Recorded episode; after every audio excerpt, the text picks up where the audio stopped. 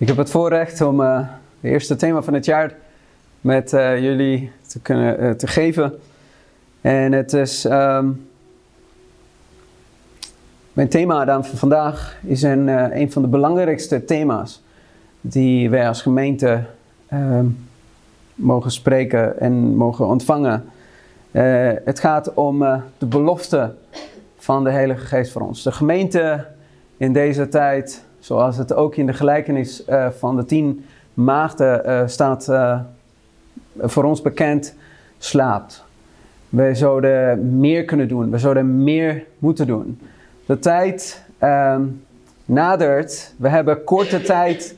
Ehm, en onze identiteit als Adventisten, wat ons gemaakt heeft om um, zo een, een, een, boodschap te brengen in, 18, nou, in 1840, rond die tijd dat Jezus gauw terugkomt. Dat uh, wij moeten ons voorbereiden omdat het nu echt de tijd is.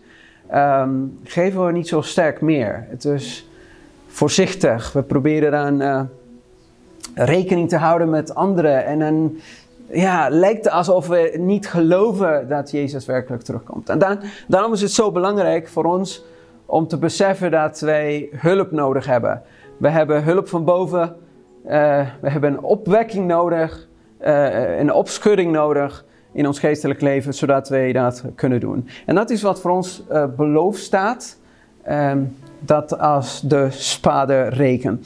Ik heb um, gezien dat deze thema heel erg lang is, als je daar natuurlijk diep op in wil gaan. En daarom heb ik het in drie delen verdeeld. Dus vandaag zullen we alleen deel 1 behandelen. Um, als jullie niet in ons midden zijn, kunnen jullie het misschien wel online dan uh, vinden. Um, dan deel 2 uh, en deel 3.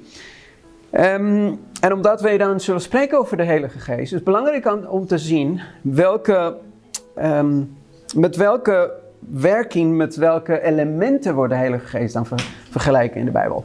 In verschillende teksten zien we dat de Heilige Geest een, een speciale rol heeft, een speciale Um, nou, de Bijbel vergelijkt het bijvoorbeeld met, met de wind. Um, en Jezus zegt in Johannes hoofdstuk 3 dat uh, mens ziet het niet. Maar wat hij wel ziet, is de resultaat. Wat de wind ook doet. Um, en dat, dat had hij het natuurlijk met Nicodemus over. Hij had het over de wedergeboorte. Hoe belangrijk dat was. En dat hij soms denken wij net als Nicodemus van het moet wel zichtbaar zijn. Ik moet het wel kunnen pinpointen welke moment ik wedergeboren ben. Was het dan toen? Was het dan twee jaar geleden? Was het vier jaar geleden? Ja, dat was het. En dan verwachten wij dan soms een, een speciale, ik weet niet, emotionele... Ja, dat, dat ik het voel. Dan denk ik van, oké, nu ga ik mijn, mijn besluit nemen om gedoopt te worden. En nu is het echt een moment van wedergeboorte. Nee, hoeft soms niet zo te zijn. Soms duurt het wel een jaar of twee voordat wij uiteindelijk dan zeggen van ja, dat is het.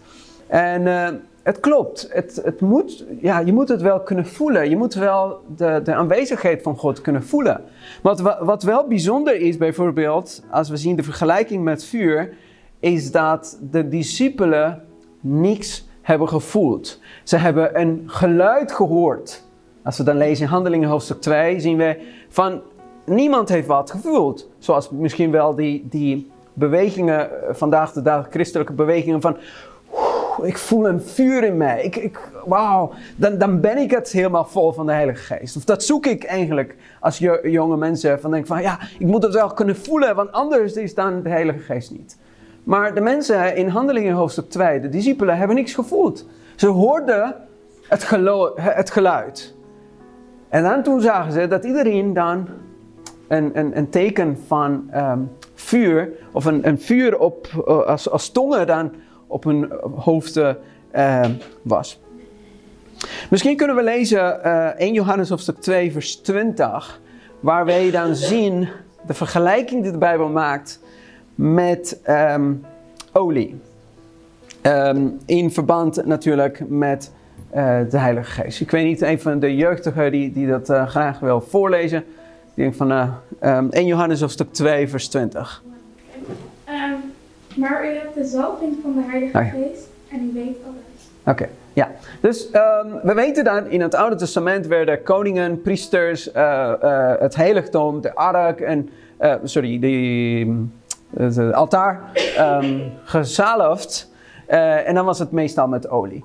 En dan de vergelijking maakt apostel Johannes met de salving van de Heilige Geest. Dus die Heilige Geest wordt op die manier dan vergelijken, en ook, sowieso in Zacharia, met die olie zo, die komt naar de mensen, die, die, die, die, de, mensen dan um, kunnen voelen de aanwezigheid van de Heilige Geest. En ook in Jeremia hoofdstuk 5 vers 24 zien wij de vergelijking met regen. Zowel de vroege als de late regen. En dat, op grond hiervan dan zullen we vandaag uh, zien die, uh, deze um, belangrijk en bijzonder parallel die uh, de Bijbel maakt uh, met de Heilige Geest. En natuurlijk met regen. Um, de Bijbel gebruikt in het landbouw um, de vergelijking water, groei, water, zaad, groei, ontwikkeling, de Heilige Geest. En we zien dat water onmisbaar is.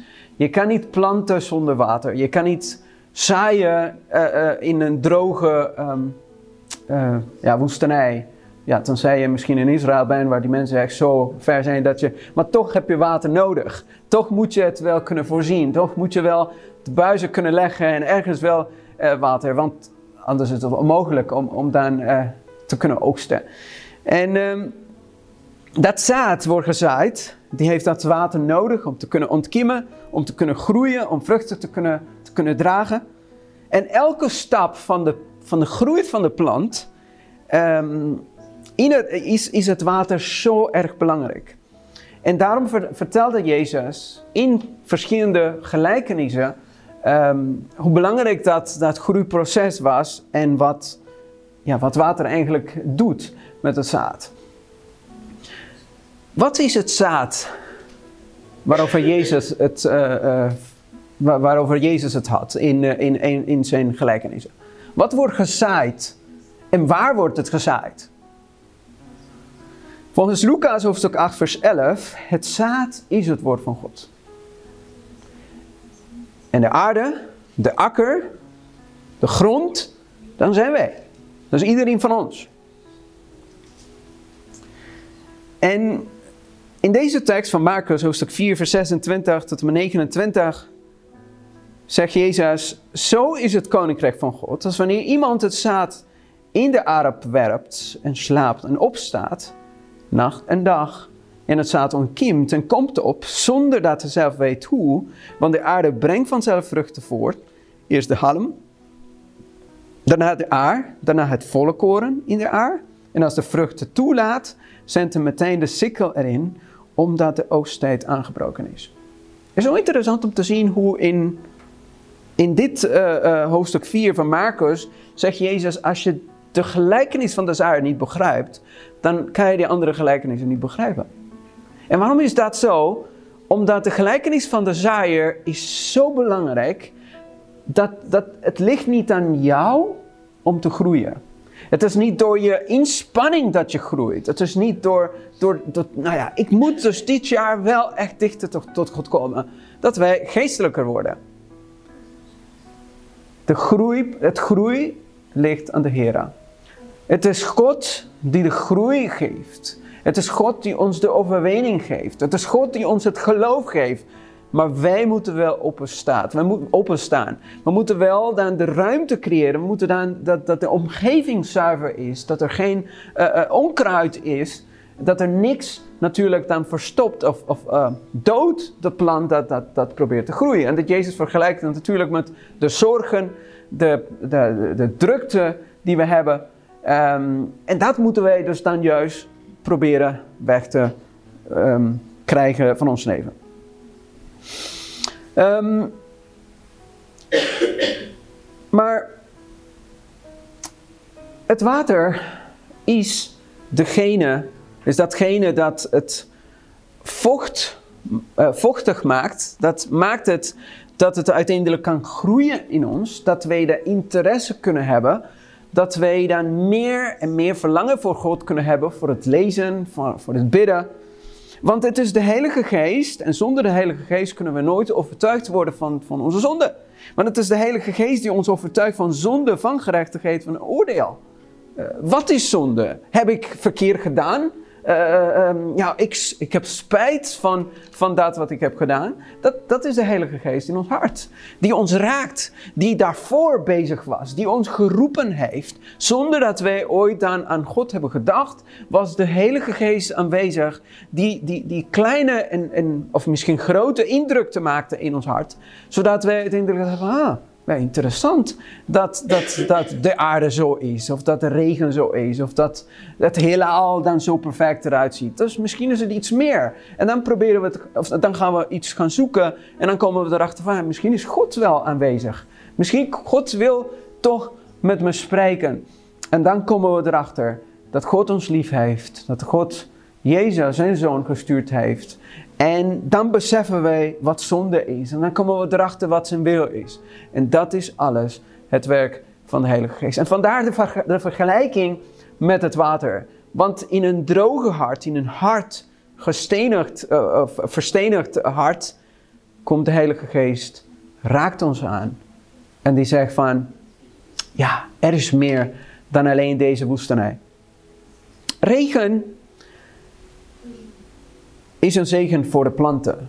Is een zegen voor die, um, de, de, de, de graan of voor de vruchten. Als ze al volkomen, als ze al groot genoeg zijn. Als het, als het nog te klein is en komt de late regen bijvoorbeeld, dan is het te veel en dan lopen ze alles onder water en dan kan het nooit meer groeien. Dus als we praten over de late regen en als wij verwachten de komst van de Heilige Geest in deze laatste tijd, voor, zodat wij uh, nou ja, volledig voorbereid kunnen zijn. Oh ja, nee, trouwens, dan zeg ik het verkeerd. Zodat wij dan kunnen staan in een dag zonder bemiddelaar, moeten we voorbereid zijn. Dat betekent dat de vroege regen al een werk in ons hart heeft kunnen doen. Zonder de vroege regen, zonder de Heilige Geest die nu beschikbaar is en waarvoor wij moeten bidden, kunnen we nooit de late regen ontvangen. Want dan zijn we niet voorbereid voor de, voor de harde uh, uh, regen, uh, regen die komt. En dan zal het te laat zijn. Vandaar dat we lezen in de geestenprofetie dat als we dan nog vlekken hebben in ons karakter, dan kunnen we de late regen niet ontvangen. Omdat we dan onze tijd verspild hebben. Omdat we dan maar hebben zitten wachten van, nou ja, God doet een wonder. Terwijl wij nog niet ons volledig aan de Heer hebben overgegeven. Want de boodschap van Jezus, onze gerechtigheid, is de grootste en belangrijkste boodschap. En die harten kan veranderen. En die is voor ons beschikbaar. Maar de late regen die valt op een vrucht die al volwassen is, die al groot genoeg is. En dan is het een zegen. Anders is het, voor degene is het dan te laat. Is het dan, ja, ik kan niet wachten tot het laatste moment waarin ik kom. Jezus Christus aan de dagen voor. Van, oké, nu ga ik me voorbereiden. Nee, de voorbereiding neem, neem een, een, het is een proces, een heiligmaking proces. Nou, laten we even kijken wat de Bijbel spreekt, of eh, met welke, of hoe de Bijbel in, um, sorry, hoe water in de Bijbel vergelijken, vergelijken wordt. Um, dit is een bekende tekst van Openbaring 17, vers 15. En dan natuurlijk in de context van profetieën weten wij dat water uh, betekent natieën, volken, um, talen, dus mensen.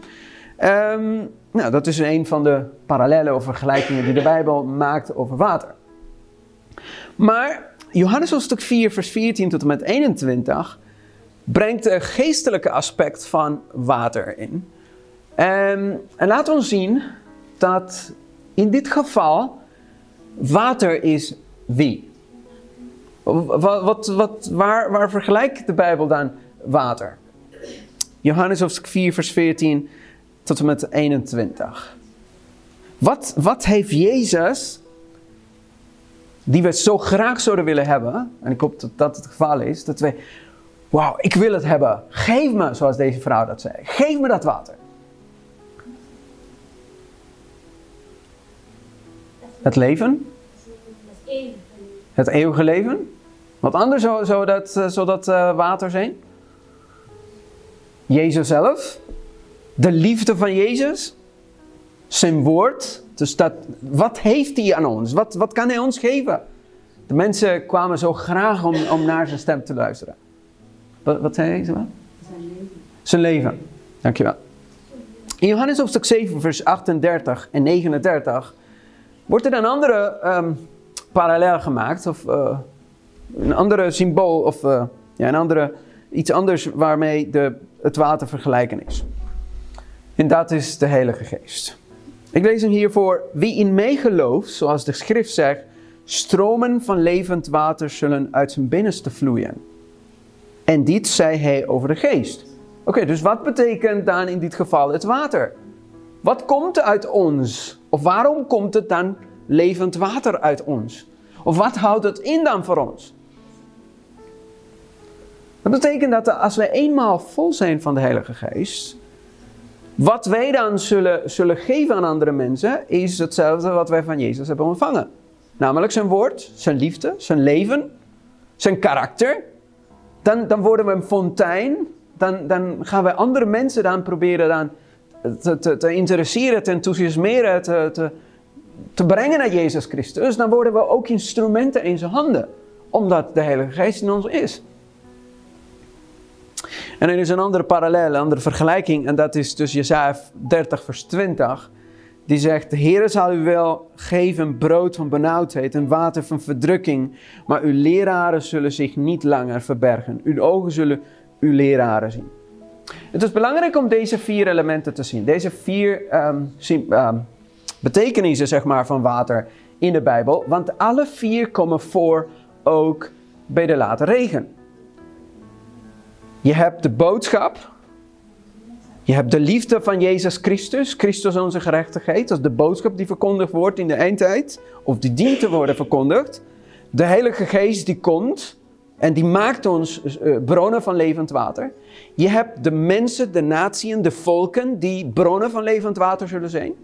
Maar je hebt ook de verdrukking, dat water wat je drinkt in de eindtijd.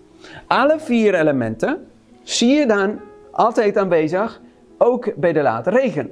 Die zijn symbolen dus van het water. Dus mensen, water betekent mensen. Dus mensen zijn het die de boodschap brengen. Water betekent Jezus Christus. Jezus Christus in het hart van de mensen verandert de mensenharten. En dat is de boodschap in deze tijd. De derde is de Heilige Geest. De komst van de Heilige Geest op ons. De kracht die we krijgen van boven. En de verdrukking, de moeilijkheden, voordat Jezus Christus komt. De laatste beproeving. En waarvoor wij ook voorbereid dienen te zijn. Laten we even spreken over water. Water is de enige element van de aarde, vond ik zo interessant, um, waarvan de Bijbel niks zegt in welke dag het gemaakt is. Of, niet, of het gemaakt is of geschapen is. Het is wel gemaakt, het is wel uh, uh, in het begin gemaakt, het is wel door God gemaakt. Maar alle andere elementen worden specifiek genoemd. God maakte de, de aarde, de hemel, het licht, de zon, dit en dat. Maar over water staat er van, en de geest van God zweefde boven het water. Dat is een best interessant element en, en die, die um, heeft zoveel lessen voor ons. Um, nou, als we kijken bijvoorbeeld dat het leven op aarde bestaat, grotendeels is uh, uh, uit water en is trouwens afhankelijk daarvan, dan zien we hoe belangrijk dat is, ook in ons.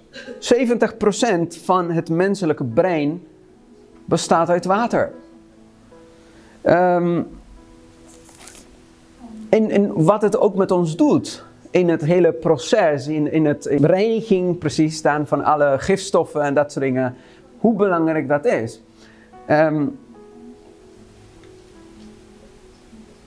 dus, um, oh ja, ik had hier een tekst, um, Hebreeën hoofdstuk 11 vers 3.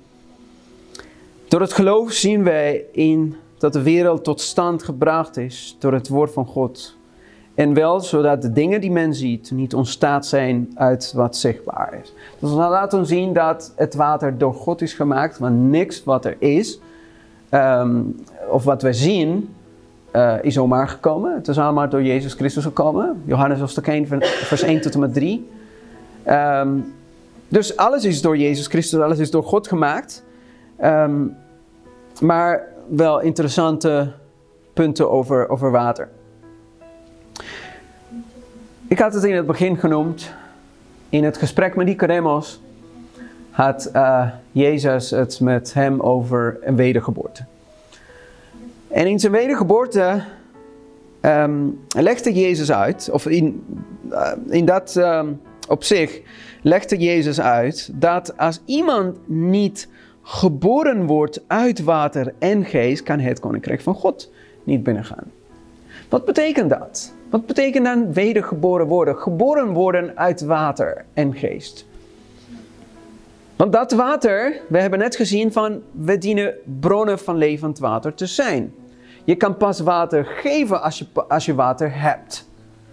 Wedergeboren van water vergelijkt ook Paulus uh, het, het, het, doorgaan door de, door, de, door de Rode Zee. Dat het volk dan gedoopt is in de zee. Dus dat, dat proces van onder het water en weer eruit komen. Behalve dan de doop natuurlijk. Dat je dan een nieuw leven begint.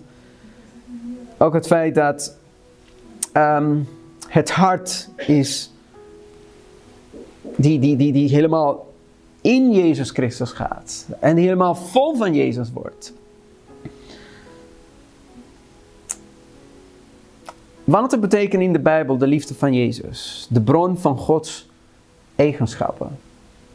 De uitstorting van de hemel voor de verlossing van de mens. Hoe God alles geeft voor ons. Voor de verlossing van de mens. Het wordt vergelijken met een bron, een rivier, een vloeistof die meer stoffen kan oplossen dan welke andere ook. En dat is water. Het is een, het is, het is, het is, um, het is een vloeistof die meer stoffen kan oplossen. En dat is wel bijzonder, dat, dat wij dan problemen kunnen oplossen. Moeilijkheden, dat, dan gaat gewoon weg. En dat is wel een mooie parallel hierin.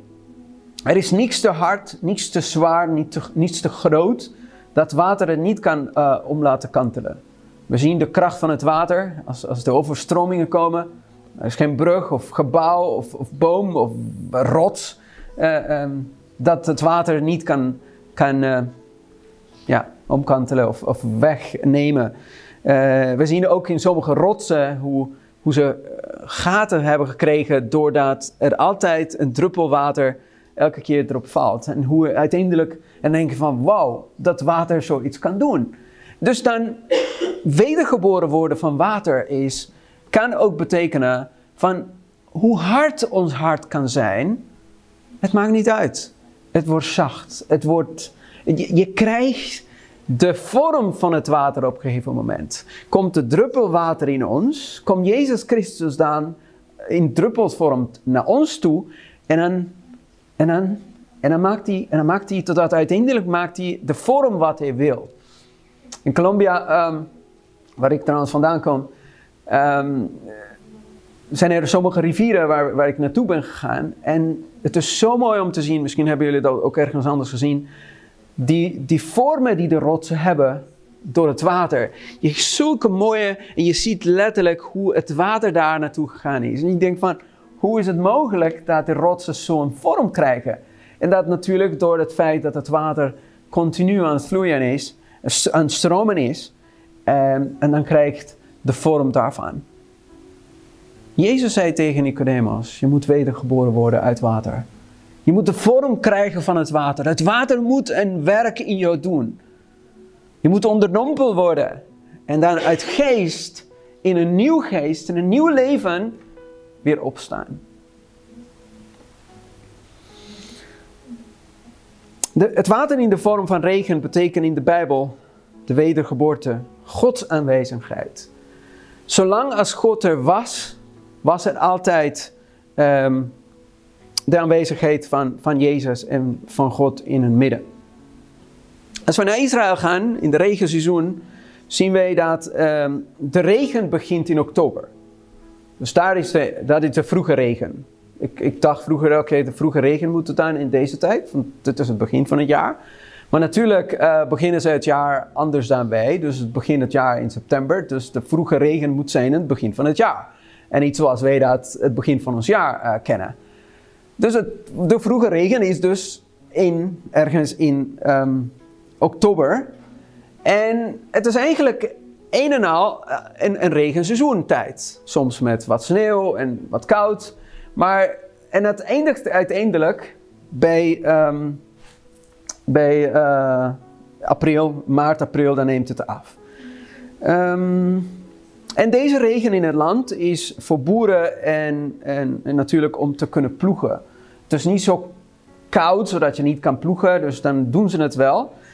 En dat is dus de vergelijking die de Bijbel maakt met de vroege en de late regen. Um, en uiteindelijk natuurlijk zodat zij in maart, um, april of mei dan de oogst konden brengen voor die eerste uh, feesten die, de, die het volk van Israël had. Er zijn verschillende teksten in de Bijbel dat laten zien dat God altijd zorgde voor, zijn, voor het volk. In de vorm van regen liet hij zien of hij eens was met het volk of niet. Of hij met het volk was of niet. Um, laten we dan lezen Leviticus 26, vers 3 en 4. En misschien een van de jeugdigen uh, die het wil voorlezen. Leviticus hoofdstuk 26, vers 3 en 4. Indien gij in mijn inzettingen wandelen en mijn geboden houden en die doen zult. Zo zal ik uw regens geven op uw tijd en het land zal zijn inkomst geven en het geboomte des velds zal zijn vrucht geven. Dankjewel. Regen op zijn tijd was afhankelijk van de gehoorzaamheid van het volk in Israël. Dat was dus, dan komt de regen, is het volk gehoorzaam geweest. Is het volk niet gehoorzaam geweest, dan weten we in het geval van Elia, oeps, geen regen. Eh, dus Elia zegt van, totdat ik het zeg. En als het volk dan uiteindelijk dan tot God had gebeden en hem erkend had als hun God, dan kwam er uiteindelijk regen. Um, in Deuteronomium hoofdstuk 11, vers 11 tot en met 14 zien we ook weer een andere tekst die ons laat zien duidelijk dat het is een land waar de Heere uw God voor zorgt. Hij is het diegene die de regen laat komen. Vanaf het begin van het jaar tot het einde van het jaar. Dus altijd zorg God voor het volk, voor het land, voor, het, voor de akkers, voor de landbouw, dan geeft de regen. Anders zien ze dat niet. Um, en dan zegt hij ook, en het zal gebeuren wanneer je luistert naar mijn geboden en u God lief hebt, dat ik regen voor uw land zal geven op zijn tijd. Vroege regen en late regen. Dus, maar natuurlijk, in, uh, in deze andere teksten zien wij van geen regen. Nou, dat is dus een, uh, dan als bewijs, dan, dan zagen ze, of nee, sorry, dat was een teken dat ze ongehoorzaam waren geweest. Um, en dan, ja, dan moesten ze natuurlijk tot God terugkeren. Dan moesten ze bekeren van, van hun zonde. En dan zegt hij, um, als de hemel gesloten is, er, er geen regen komt omdat ze tegen u gezondigd hebben en zij op deze plaats bidden, dan um, uw naam beleiden en zich van hun zonde bekeren, omdat u hen vernederen, luister u dan in de hemel en vergeef de zonde van uw dienaren. Um, en dan, uh, en geef regen op uw land. Dat waren dingen wat het volk van Israël moest altijd weten.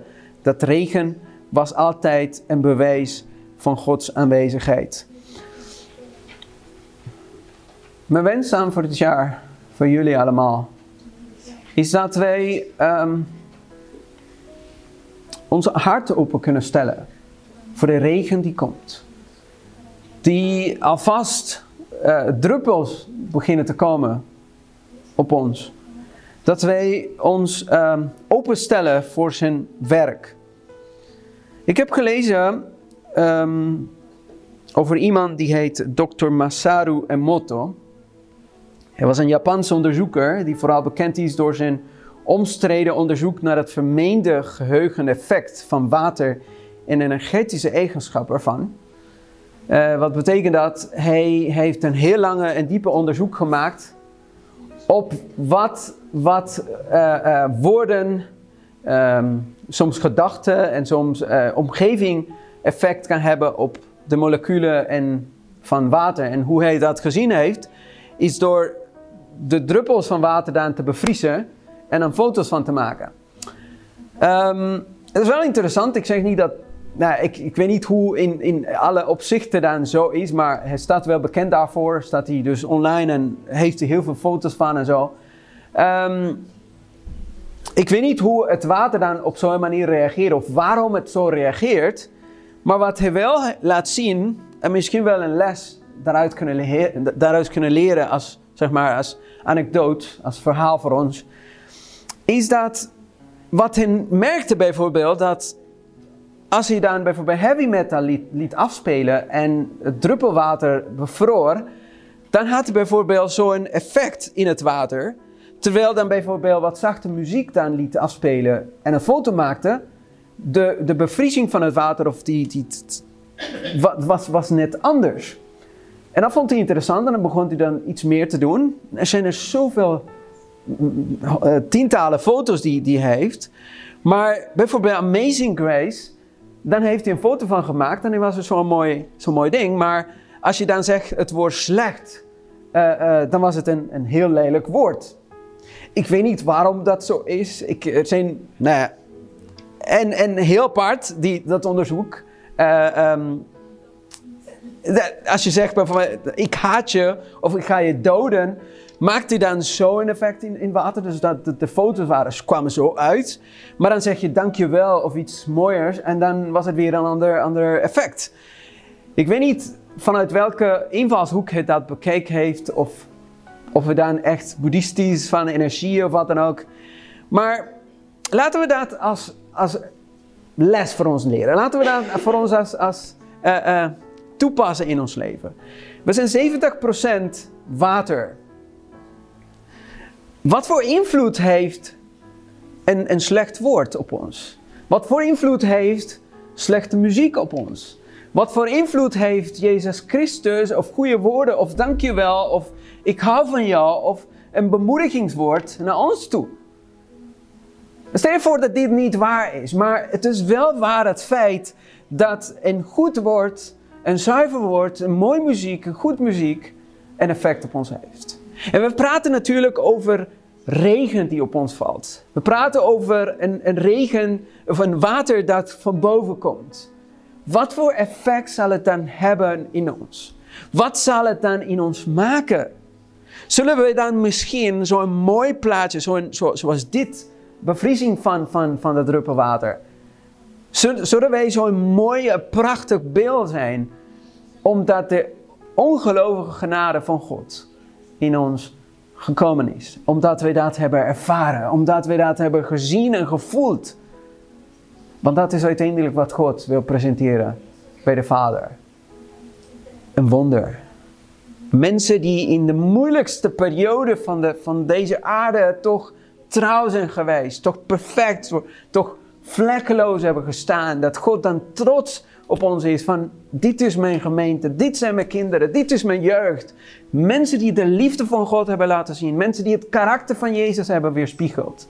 Omdat zij het leven van boven hebben ervaren, omdat zij Jezus Christus hebben meegemaakt, omdat zij een ervaring met Hem hebben gehad. Mijn wens is dat wij zo'n mooie, prachtig beeld, zo'n prachtig uh, um, ja, beeld mogen zijn voor God uh, en voor altijd. Als gevolg van de zegeningen die wij van de Heer hebben ontvangen. Omdat de Heer met ons is geweest. Mogen wij dat, dat water verlangen? Mogen wij bidden voor de komst van de Heilige Geest? Voor de spaderregen? En dan in de volgende studie zullen we zien um, de vroege regen en daarna de late regen. Wat voor effecten dat had en welke andere um, symbolen en parallellen um, die de Bijbel heeft voor ons. Is mijn wens en gebed. Amen. Amen.